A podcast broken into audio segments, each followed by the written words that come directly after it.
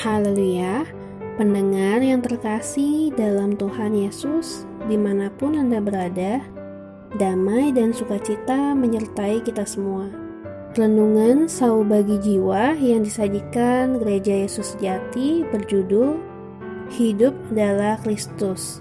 Dalam nama Tuhan Yesus membacakan renungan firman Tuhan.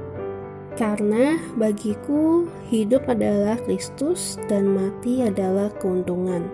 Filipi 1 ayat 21 Paul Kalaniti, seorang ahli bedah syaraf, menulis buku autobiografi berjudul Bila Nafas Menjadi Udara.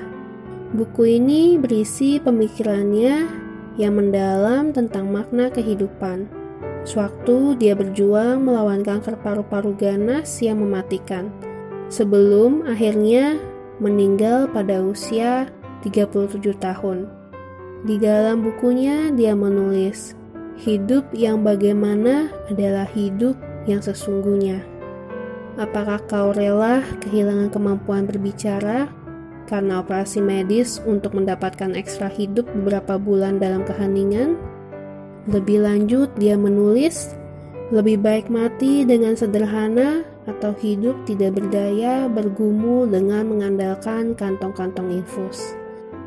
Dia begitu bimbang antara harus berjuang untuk menambah hidupnya beberapa bulan di dalam penderitaan atau meninggalkan dunia ini begitu saja.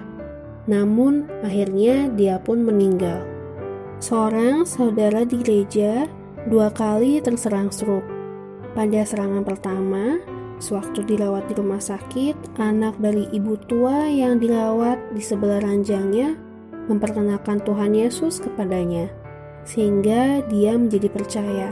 Tuhan Yesus berbelas kasih sehingga dia lambat laun menjadi pulih dan akhirnya dapat bergerak.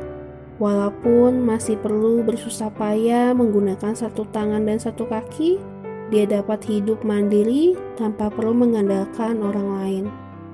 Dia pun rajin ke gereja dan membaca Alkitab. Bahkan, dia sudah membacanya sebanyak 11 kali. Untuk membalas kasih Tuhan, setiap hari sabat dia memasak dua setengah kilogram kacang goreng sebagai cemilan tambahan untuk acara makan siang bersama di gereja. Kacang gorengnya lalu dikenal sebagai kacang goreng syukur. Sepuluh tahun berlalu dengan penuh damai dan sukacita.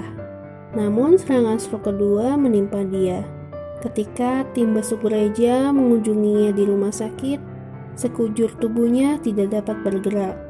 Dia hanya dapat mengisi perutnya dengan makanan kental khusus dengan menggunakan selang melalui hidungnya.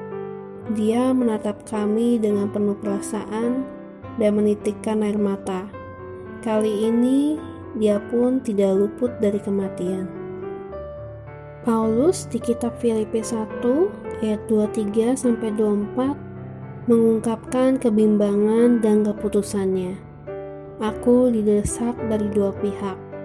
Aku ingin pergi dan diam bersama-sama dengan Kristus.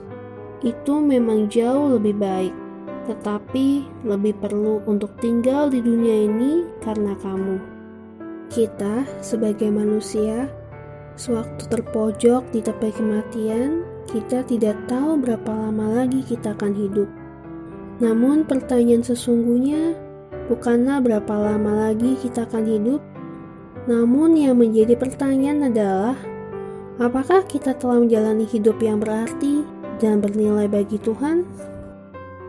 Kalau kita dapat hidup bergaul dengan Tuhan, selama kita masih kuat dan mampu, selangkah demi selangkah terus menjalankan firman Tuhan, maka akhirnya kita akan dapat dengan lantang berkata seperti Paulus, karena bagiku hidup adalah Kristus dan mati adalah keuntungan.